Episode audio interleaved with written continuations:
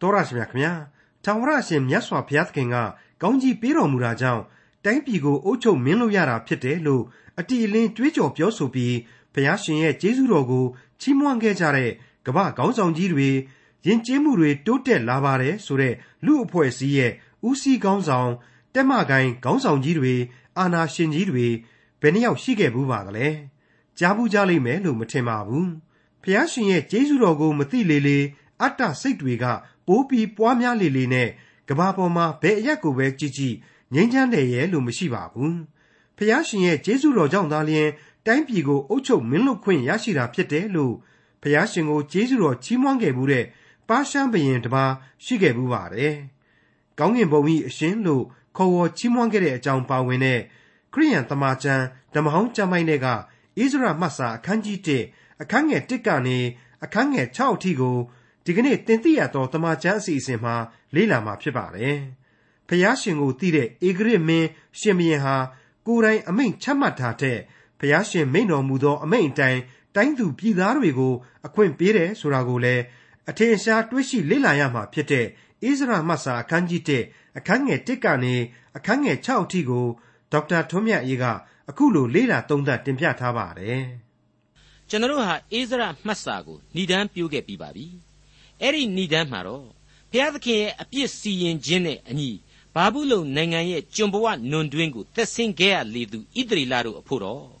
ကျေးဇူးတော်အလင်းရောင်နေချီနုကိုပြန်လဲစတင်တွေ့ရှိရပြန်ပြီဆိုတာကိုဖော်ပြခဲ့ပြီးဖြစ်ပါတယ်။တနည်းအားဖြင့်ကျေးဇူးတော်ကိုပြန်လဲမြင်ရပြန်ပြီဆိုတဲ့အချက်ပေါ့။ဟုတ်ပါတယ်။အပြစ်ဒုစရိုက်လွန်ကျူးမှုတွေအပြစ်ဒဏ်စီရင်ခြင်းခံရမှုတွေရဲ့နောက်မှာအဲ့ဒီအပြစ်လူပေါင်းအတွက်ထပ်မံ ပေါ်ထွန်းပြန်တဲ့ကျေးဇူးတော်ဆိုတာကိုအိဇရမှတ်စာရဲ့အခန်းကြီး1အငယ်1ကနေပြီးတော့စပြီးတော့ကျွန်တော်တို့မြင်တွေ့ခဲ့ရဘုံကိုပါဏိဒန်းပြိုးကြတဲ့ကကျွန်တော်ဖော်ပြခဲ့ပြီးပါပြီ။ဒါကိုအခုထပ်မံပြီးတော့ကုရုဘယင်ဤအမိန့်ပြန်တန်းဆိုတဲ့ခေါင်းစဉ်ပေးပြီးတော့ဒီကနေ့သင်ခန်းစာကိုစတင်ကြပါအောင်စို့ယေရမိဆင့်ဆိုသောထာဝရဘုရား၏အမိန့်တော်ကိုပြည့်စုံစေခြင်းဟာပေရတိဘယင်ကုရုနန်းဆန်ပထမနှစ်တွင် ထာဝရဘုရားနှိုးဆော်တော်မူသောအားဖြင့်ထိုရှင်ဘရင်သည် အမိန့်တော်စာကို ထုတ်ပြီးလျှင်ပေရတိနိုင်ငံအရရတို့၌ကြီးညာစေ၍ဒီကျမ်းစာအချက်ကိုနားထောင်လိုက်တာ ਨੇ အိစရာဟာသူ့ရဲ့စာပေကိုဘယ်နေရာမှာအခြေခံတယ်လဲဆိုတာအဖြေပေါ်လာပါတယ်ဟုတ်ပါတယ်တခြားဘယ်ကြမ်းကံမှမှအခြေမခံပါဘူးထာဝရဘုရားရဲ့နှုတ်ကပတ်တော်ပေါ်မှာသာလျှင်ခိုင်မာစွာအခြေခံနေဆိုတာဟာရှင်းနေပါပြီ အခုဒီနေရာမှာဖော်ပြတဲ့ပေရသီဆိုတာကတော့တခြားမဟုတ်ဘူးပါရှားနိုင်ငံတော်ကြီးပဲဒီကနေ့ဆိုရင်တော့အီရန်ဆိုပြီးတော့လူတွေပြောနေကြပါတယ်ရှေးခေတ်ကာလတုန်းကတော့အခုအီရန်တက်မကကျယ်ပြောတဲ့နိုင်ငံတော်ကြီးပါပဲကုရုဆိုတာဟာ Cyrus ဆိုတဲ့ဘုရင်ဖြစ်တယ်။ကမ္ဘာသမိုင်းမှာပါရှားနိုင်ငံတော်ရဲ့အင်မတန်တကိုးကြီးခဲ့တဲ့ဘုရင်ကြီးပဲပေါ့။အဲ့ဒီဘုရင်ကြီးဟာသူအမှန်တကယ်မမွေးဖွားခင်နှစ်ပေါင်း200နီးပါးခန့်ကလေးက သူပေါ်ထွန်းမယ်ဆိုတဲ့အကြောင်းသူ့ရဲ့နန်းဆန်ခြင်းအကြောင်းတွေကိုအမိနာမနဲ့တကွကြိုတင်ပြီးတော့ဗျာဒိတ်ရှိခဲ့တယ်ဆိုတာအံ့ဩစရာကျွန်တော်တို့တွေ့ရပါတယ်ဒါနှုတ်ကပတ်တော်ရဲ့ဝိညာဉ်ရေးရှင်သန်မှုကြီးအဖြစ်ကျွန်တော်အဖို့တုံလှုပ်ခြောက်ခြားစရာမကောင်းဘူးလားအံ့ဩစရာကောမကောင်းဘူးလားနှုတ်ကပတ်တော်ရဲ့လေးနဲ့မှုဟာကြောချမ်းရလောက်အောင်အရှိန်တကူမပြင်းထန်ဘူးလား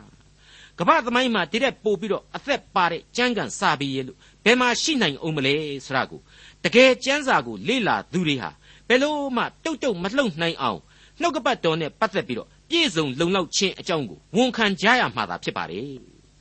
ဟေရှာယအနာဂတိကျမ်းအခန်းကြီး44အငယ်28မှာပြန်ကြည့်ကြည့်ပါကုရုမင်းကိုလည်းသင်သည်ငါသိုးရင်ဖြစ်၏ငါအလိုရှိသမျှကိုပြည့်စုံစေလျက်ယေရုရှလင်မြို့တိဆောက်စေ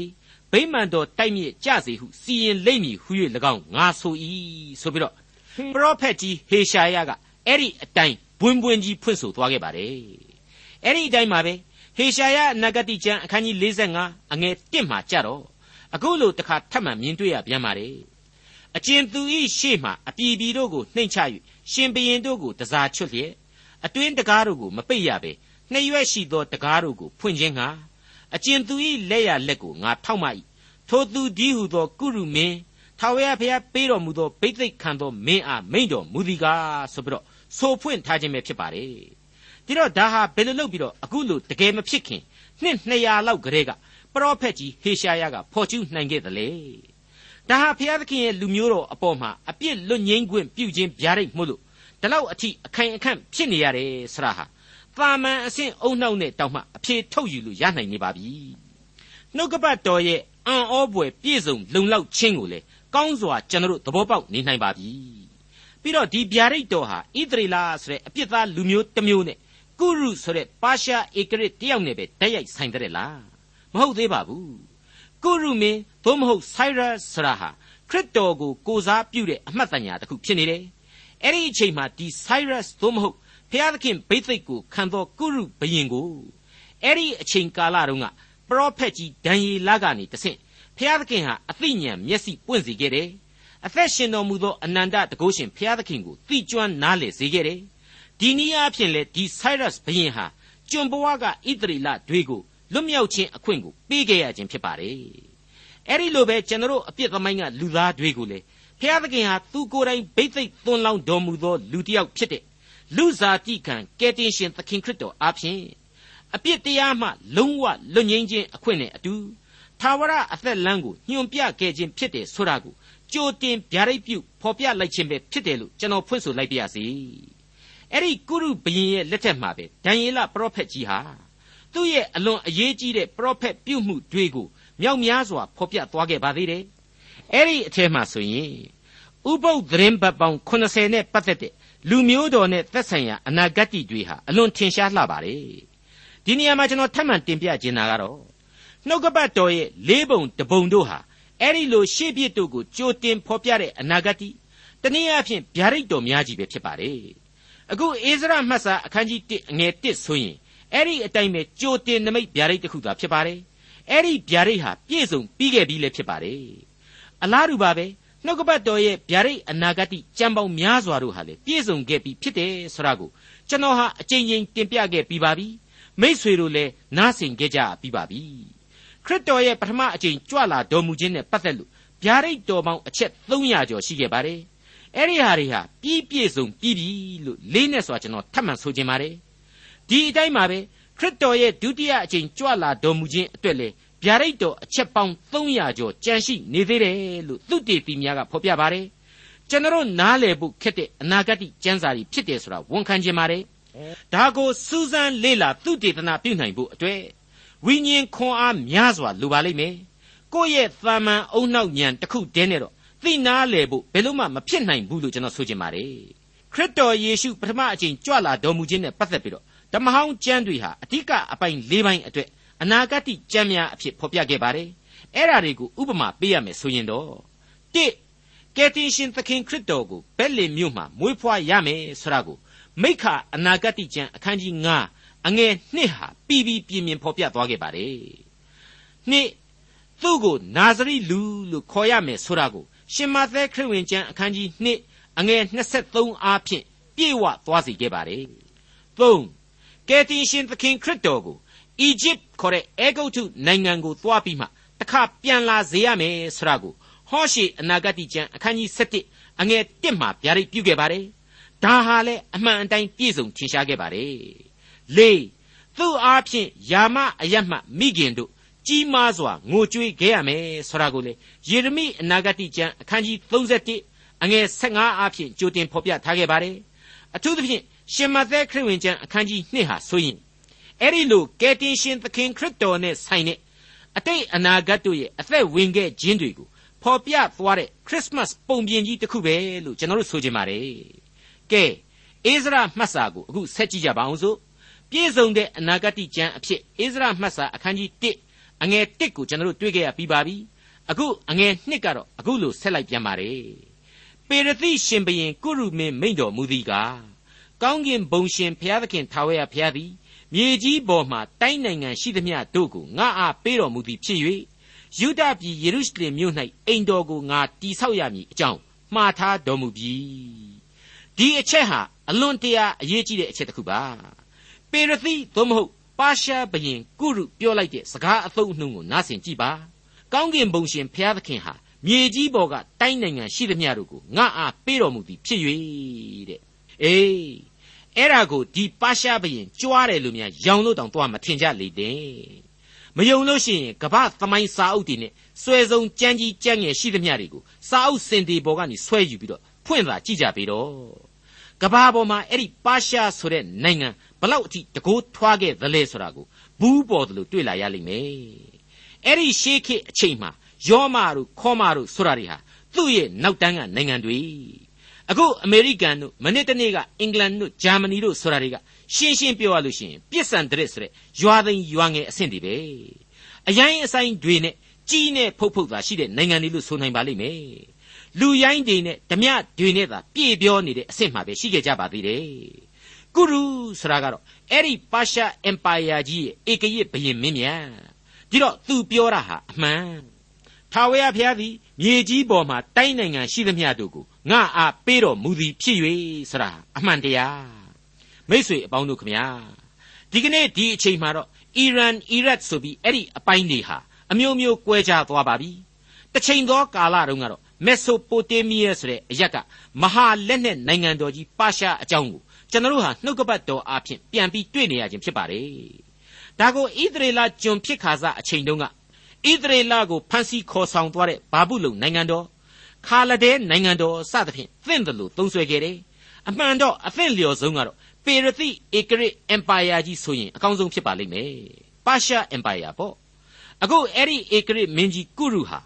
ဣသရေလအရှင်မဟုတ်ဘူးနော်ဒါပေမဲ့သူ့ပါဇက်ကအသံဘယ်လိုထွက်တယ်လဲကောင်းကင်ဘုံရှင်ဘုရားသခင်ထာဝရဘုရားသည်ငါအားကောင်းကြီးပေးတော်မူ၍တဲ့ဘလောက်ထူးဆန်းအံ့ဩဖို့ကောင်းတုံး ဒီကနေ့ဒီကဘာပေါ်ကအေယာမခေါင်းဆောင်ကြီးတွေယဉ်ကျေးမှုတွေတိုးတက်လာပါတယ်ဆိုတဲ့လူအဖွဲ့အစည်းရဲ့တက်မကင်ခေါင်းဆောင်ကြီးတွေအာနာရှင်ကြီးတွေဘယ်နှယောက်များအဲ့ဒီလိုကျေးဇူးတော်ကိုချီးမွမ်းပြီးတော့ငါတို့ကိုဘုရားသခင်အခွင့်ပေးလို့တိုင်းပြည်ကိုတက်အုပ်ချုပ်ခွင့်ရနေတာပဲဆိုပြီးတော့ပြောတာကြားဘူးလို့လေတခါမှမကြားဘူးပါဘူး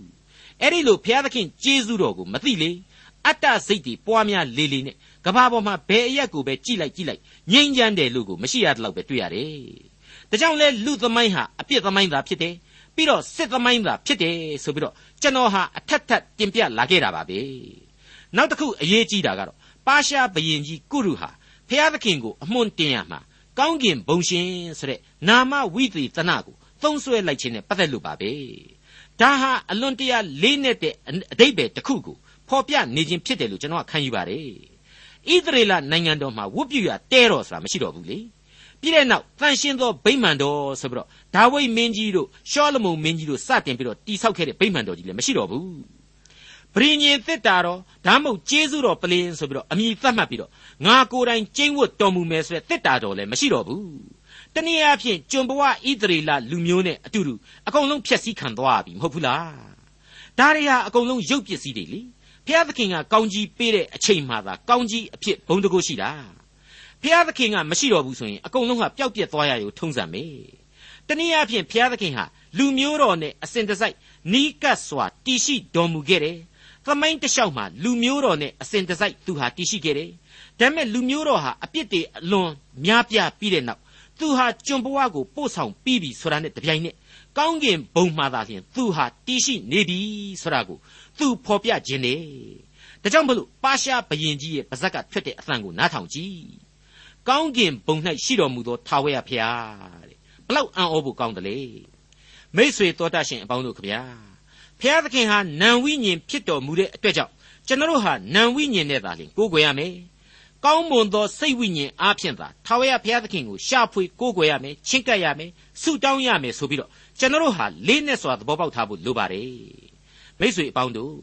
အခုဣသရေလဟာဒီဘာဘူးလုံနိုင်ငံကနေကျွန်ဘဝကိုဆင့်ပြီးတော့ တကြွတနိုင်ငံလက်အောက်ကိုရောက်စေဆိုပြီးတော့ဘုရားသခင်ဟာအမိန့်ချခဲ့ပြီးဖြစ်တယ်လို့အဲ့ဒီဗိမာန်တော်အဲ့ဒီဗြိညင်တစ်တာတော်တရားအရက်တွေကိုသူဟာစွန့်ခွာသွားပြီးတဲ့နောက်ကောင်းကင်ဘုံမှာပဲကျင့်ဝတ်နေပြီဆိုတာကိုဒီကုရုဘယင်ရဲ့နှုတ်တော်အတွက်စကားအဖြစ်ထင်ဟပ်ပေါ်လွင်စေပါတယ်ဒီအချက်ကိုပရောဖက်ယေဇကျေလဟာယူပါယုံထဲမှာကိုမြင်တွေ့ခဲ့ရပါတယ်ဒါကြောင့်မို့လို့လေအဲ့ဒီလိုကျွန်ဘဝကိုဆင်းသက်ခဲ့ရတဲ့ဣသရေလသမိုင်းအတွင်းမှာ ဘုရားသခင်ဟာကောင်းကင်ဘုံရှင်အဖဘုရားသခင်အဖြစ်သာခေါ်ဝေါ်သမုတ်အပ်သောဘုရားသခင်အဖြစ်ပြောင်းလဲသွားရပြီဖြစ်ပါတယ်ယေဇကျေလရဲ့ယူပါယုံအရဆိုရင်ဘုရားသခင်ရဲ့ဘုန်းတော်ရောင်ချီဟာဗိမာန်တော်ကနေပြီးတော့တဆင့်ပြီးတဆင့်မြင့်တက်သွားခဲ့ခြင်းဖြစ်ပါတယ်မကြာခဏရပ်တန့်ပြီးမှတဆင့်ပြီးတဆင့်မြင့်မားစွာတက်ရောက်ပျောက်ကွယ်သွားခြင်းဖြစ်တယ်လို့ဆိုပါတယ်အဲ့ဒီလိုမကြာခဏရပ်တန့်ခြင်းဒရင်ကားမျှနားခြင်းဟာ လူသားတွေအနေနဲ့သူ့ကိုပြန်လဲနောင်တရပြီးတော့အသနာခံကြလေမလားဆိုပြီးတော့စောင့်ဆိုင်ခဲ့ခြင်းဖြစ်ခဲ့ပါတယ်ဒါပေမဲ့လူသားတွေဟာဘုရားသခင်စီကိုပြန်ပြီးတော့လှည့်မလာတော့တဲ့အတွက်ကြောင့်အဲ့ဒီလိုဘုံတော်ဟာအရှင်ဒီဗိမာန်တော်အရက်ကိုစွန့်ခွာသွားခြင်းပဲလို့ဆိုပါတယ်အဲ့ဒီလိုအပြစ်နဲ့ပြေပြောလွန်းနေတဲ့ဣသရေလလူအဖွဲ့အစည်းကိုအဲ့ဒီရှေးကာလမှာစွန့်ခွာခဲ့ပြီမြဒီဘုံတော်ဟာတကြော့ပြန်ပြီးတော့အသက်ဝင်လာပြန်တာကတော့လူဇာတိအားဖြင့်ပဲဖြစ်ပါတယ် ဟုတ်ပါတယ်လူဇာတိကိုခံယူခြင်းအားဖြင့်ပဲဖြစ်ပါတယ်ဒါကြောင့်မလို့လေရှင်ယောဟန်ခရစ်ဝင်ကျမ်းအခန်းကြီး2ရဲ့အငယ်14နဲ့15တွေအရာရိုက်เสียဖို့ကြိုးသေးများကိုပြုပြင်ပြီးမှဗိမာန်တော်မှာမဟုတ်တန်တရန်လှုပ်သူတွေကိုရိုက်နဲ့နှင်ထုတ်ပြီးတော့ပြန်လဲတစ်ခေါက်ဝင်ရောက်လာခြင်းပဲလို့ကျွန်တော်တွေ့မြင်နိုင်တယ်လို့ခရစ်တော်လူစားတိအသက်ကိုစွန့်ချိန်မှာဗိမာန်တော်ကလကာကွဲထွက်ခြင်းဆရာဟာလေခရစ်တော်အားဖြင့်လူသားနဲ့ဘုရားသခင်ဟာ ဂျာကန်နဲ့ပြည့်ညတ်တော်တွေရှေးရိုးဆွဲဝါဒတွေနဲ့ရစ်ပူဇော်ခြင်းတွေမလိုတော့ပဲဓာတ်ရိုက်ဆက်ဆက်သွားပြီတနည်းအားဖြင့်ဓမ္မသစ်အချိန်ရဲ့အသင်းတော်ဆိုတာကိုတီထောင်လိုက်ပြီဆိုတာကိုဖော်ပြလိုက်ခြင်းပဲဖြစ်ပါတယ်အဲ့ဒါဟာတခြားအတိတ်ပဲမဟုတ်ပါဘူးတစ်ချိန်ကကောင်းကင်ဘုံကိုပြန်လဲတက်ကြွသွားခဲ့တဲ့ဘုံတော်ဟာလူစားတိကိုခံယူ၍ကယ်တင်ရှင်သခင်ခရစ်တော်အဖြစ်ပြန်လဲဆင်းသက်လာပြီဆိုတာကိုဖော်ပြလိုက်ခြင်းပဲဖြစ်ပါတယ် မိษွေတော်တတ်ရှင်အပေါင်းတို့ခမညာအခုကယ်တင်ရှင်သခင်ခရစ်တော်ဟာမြေပေါ်မှာရှိပါသေးသလားမရှိတော့ပါဘူးသို့ပေမဲ့သူဟာကျွန်တော်အတွက်တန်ရှင်းသောဝိညာဉ်တော်ကိုချထားပေးပါတယ်တန်ရှင်းသောဝိညာဉ်တော်ဟာကျွန်တော်ရဲ့စိတ်နှလုံးတကဝနားမှာအစဉ်တစိုက်စောင့်လျက်ရှိနေကြောင်းတင်ပြလိုက်ပါရစေအဲ့ဒီတော့ရှေးလွန်လေပြီးခဲ့သောနှစ်ပေါင်းများစွာလို့ဆိုရမယ်မောရှေနဲ့ယောရှုတို့ခေတ်ကလေးကတည်ခဲ့တဲ့တဲတော်ဘောကဘုရားသခင်ရဲ့တန်ရှင်းသောဝိညာဉ်တော်ဟာ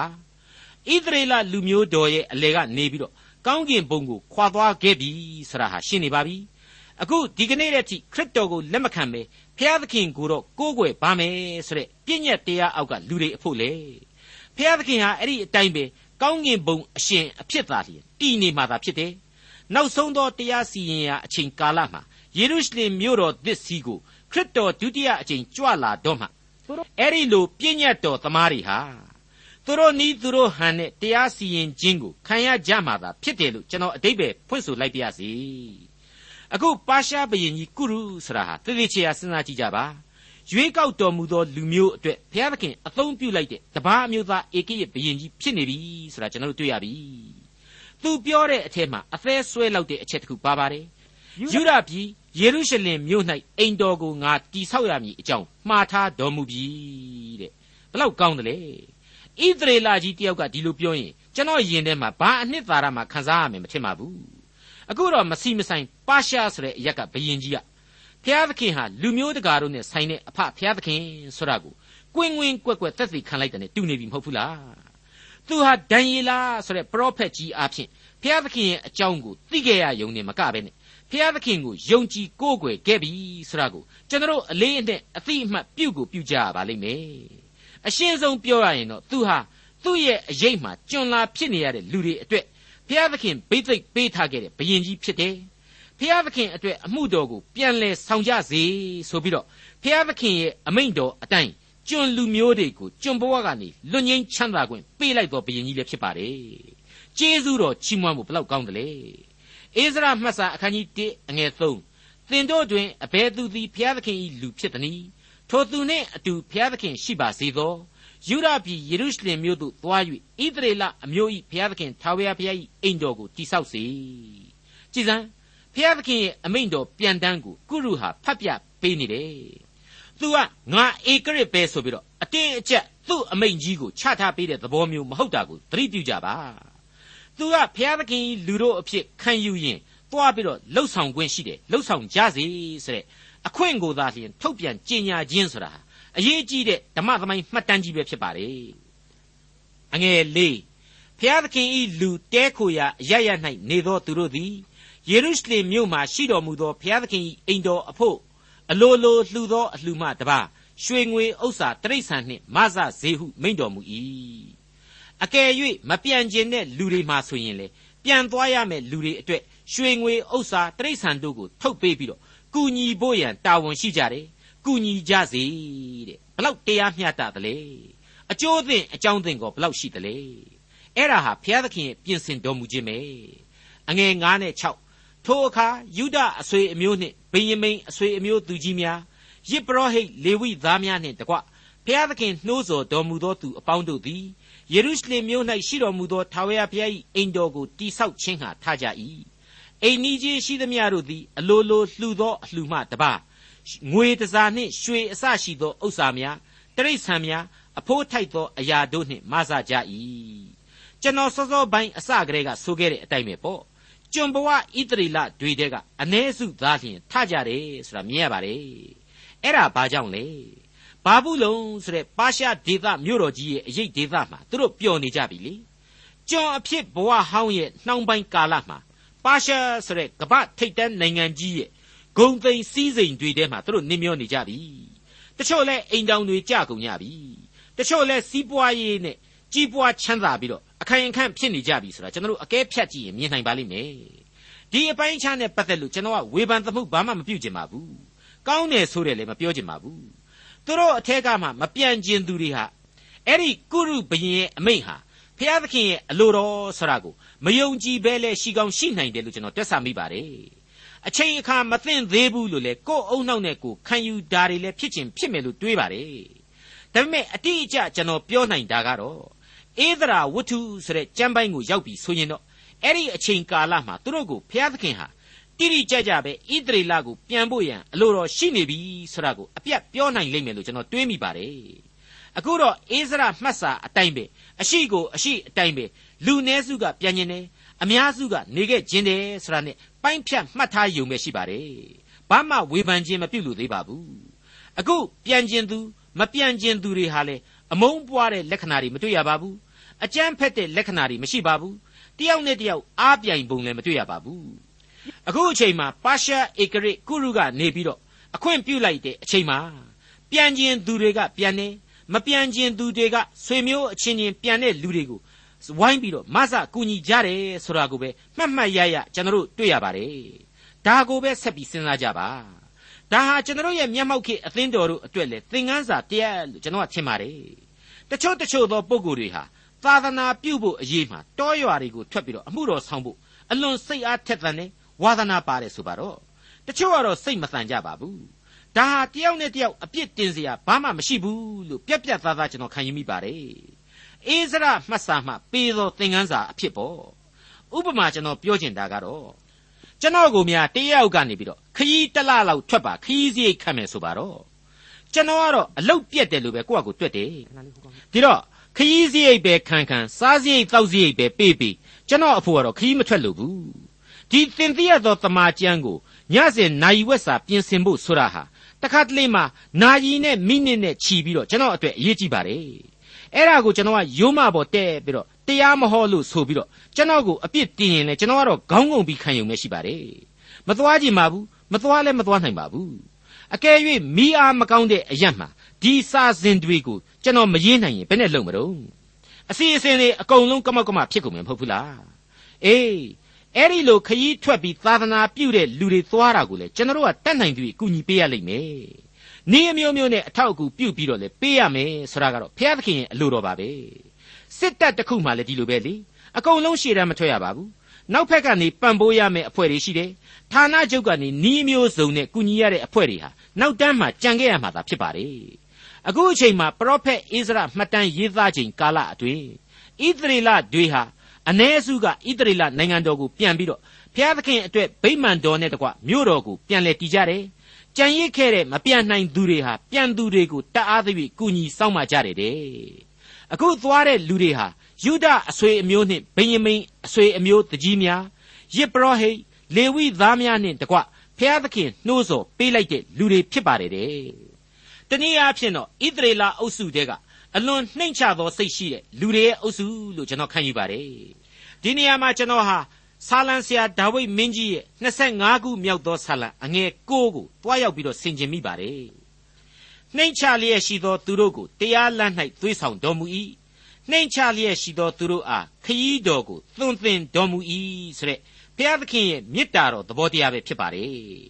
သူသူတို့ဟာဘုရားသခင်ရဲ့နှိုးဆော်ခြင်းကိုသိတဲ့လူတွေ အချိန်ကာလကိုတွက်ချင့်နိုင်စွမ်းရှိတဲ့သူတွေဖြစ်တယ်ကြံရစ်ခဲ့တဲ့လူတွေကတော့သူတို့စိတ်နဲ့သူတို့အသင့်ပြင်ဆင်ခြင်းမရှိနိုင်လို့မလိုက်ပါသွားခဲ့ကြပါဘူးဒါပေမဲ့ဣသရေလလူမျိုးတော်အားလုံးဟာတာဝန်သိသောလူမျိုးတော်အဖြစ်ဘုရားသခင်ရှေ့မှာသတ်မှတ်ထိုက်တဲ့အဆင့်အတန်းကိုတက်လှမ်းလာကြပြီသူတို့ဟာကျွန်ဘဝနွန်တွင်းကအပြစ်ဒုစရိုက်အညစ်အကြေးများကင်းစင်အောင်လို့ဘုရားသခင်ရဲ့ခြေတော်ရင်းကို စ조사တိုးဝင်ချင်းကပ်လျက်ရှိနေကြပြီလို့ကျွန်တော်လေးနဲ့စွာခံယူလိုက်ပါတယ်ဒေါက်တာထွန်းမြတ်ရေးစီစဉ်တင်ဆက်တဲ့တင်ပြရတော်တမချန်းအစီအစဉ်ဖြစ်ပါတယ်နောက်တစ်ချိန်အစီအစဉ်မှာခရိယန်တမချန်းဓမ္မဟောင်းကျမ်းပိုင်းတွေကဣဇရမတ်စာအခန်းကြီး1အခန်းငယ်9ကနေအဆုံးအထိနဲ့ဣဇရမတ်စာအခန်းကြီး2တို့ကိုလေ့လာမှဖြစ်တဲ့အတွက်စောင့်မျှော်နားဆင်နိုင်ပါတယ်။